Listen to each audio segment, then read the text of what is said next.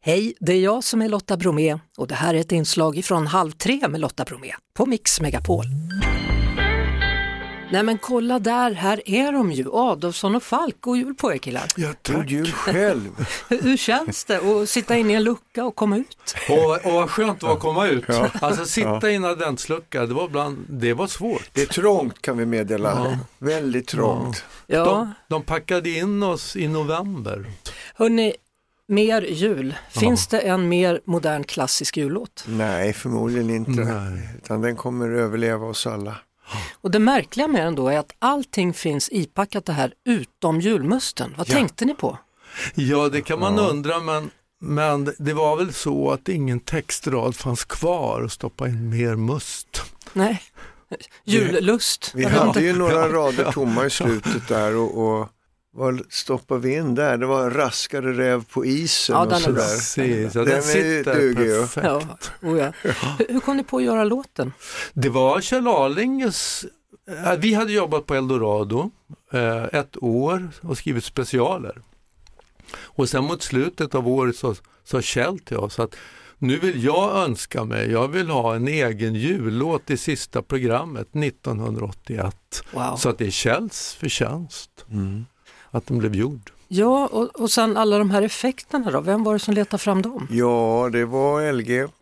Lars-Göran Nilsson? Ja. Han hade väl nyckeln Ja. ner till arkivet så gick ner Ja. lite en mörk kväll.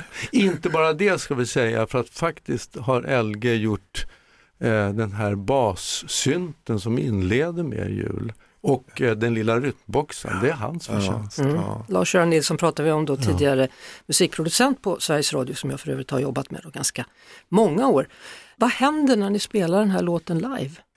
Det blir ju en väldig igenkänningsfaktor naturligtvis. Alla börjar le mer än beundra låten. De är ler och är glada och klappar händerna och nickar och sådär. Så att det, det, det är ju inte svårt att övertyga med den. Sen det som verkligen händer nu för tiden är att det är väldigt många mobilkameror som åker upp i luften.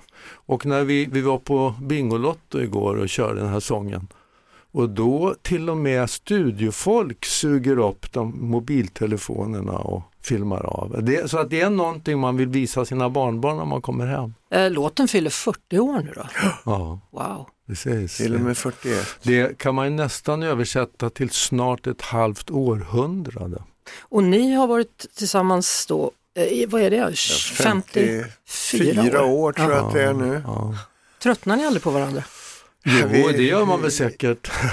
Men vi ser ju till att inte umgås varje dag. Och vi har ju den fördelen som inte kanske vanliga band har. Att vi behöver liksom inte vara framgångsrika med vår musik. Utan vi spelar när vi vill och när, vad hjärtat vill ha och höra. Så att vi har en lite gynnad position där tror Mm. jag.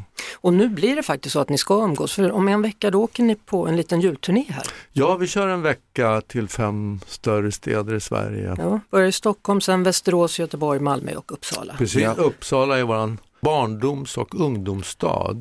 Den första utav ställena nu som blev utsåld ordentligt. Så att, eh, Vi är välkomna i Uppsala. Med julen i blodet heter turnén. Ja.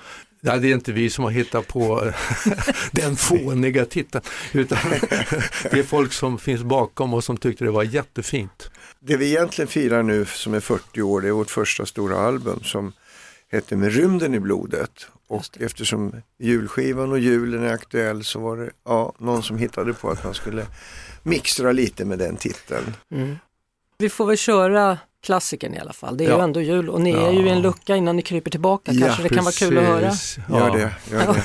Vi kryper tillbaks till, Ja. till Så nästa önskar år. vi alla Gör så. god jul. God jul, ho ho ho. Och räven raskare. Den raskar över isen ständigt. Det var det. Vi hörs såklart igen på Mix Megapol varje eftermiddag vid halv tre. Ett poddtips från Podplay. I fallen jag aldrig glömmer djupdyker Hasse Aro i arbetet bakom några av Sveriges mest uppseendeväckande brottsutredningar. går vi in med hemlig telefonavlyssning och, och då upplever vi att vi får en total förändring av hans beteende. Vad är det som händer nu? Vem är det som läcker? Och så säger han att jag är kriminell, jag har varit kriminell i hela mitt liv men att mörda ett barn, där går min gräns. Nya säsongen av Fallen jag aldrig glömmer på Podplay.